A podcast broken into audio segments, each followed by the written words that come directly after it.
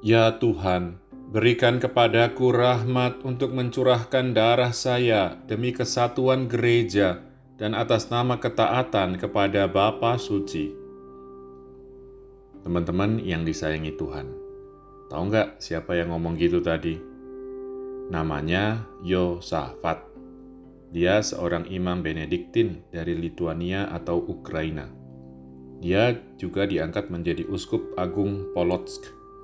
Tanggal 12 November 1623, setelah mempersembahkan misa, dia dibunuh dan jenazahnya dibuang di sungai.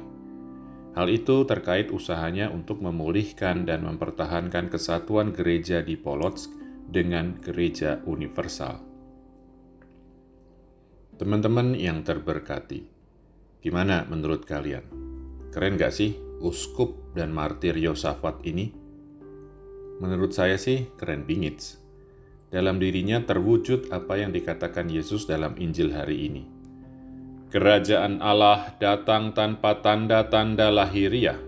Tidak dapat dikatakan, lihat, ia ada di sini, atau ia ada di sana sebab sesungguhnya kerajaan Allah sudah ada di tengah-tengahmu.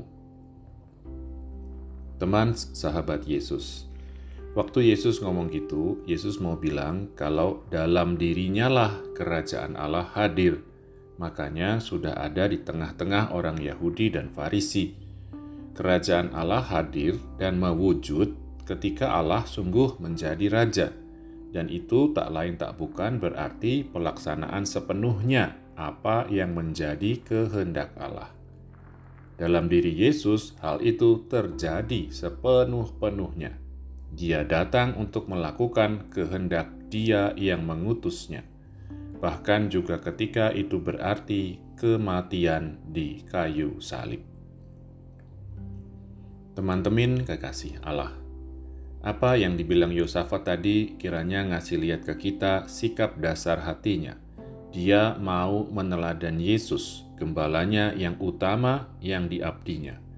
Dia mau melaksanakan kehendak Allah dengan setia seperti dilakuin Yesus. Manterman kawanan pilihan Allah. Kerajaan Allah nggak perlu dicari jauh-jauh. Ia ada dalam hati kita Allah ada di sana dan suaranya membimbing, menuntun langkah hidup kita setiap saat. Setiap kali kita melakukan apa yang dikehendakinya, kita menghadirkan, mewujudkan kerajaan Allah dalam hidup kita. Kita memasukkan diri kita ke dalam kerajaan Allah. Yuk, gak usah ribet-ribet. Lakuin aja kehendak Bapa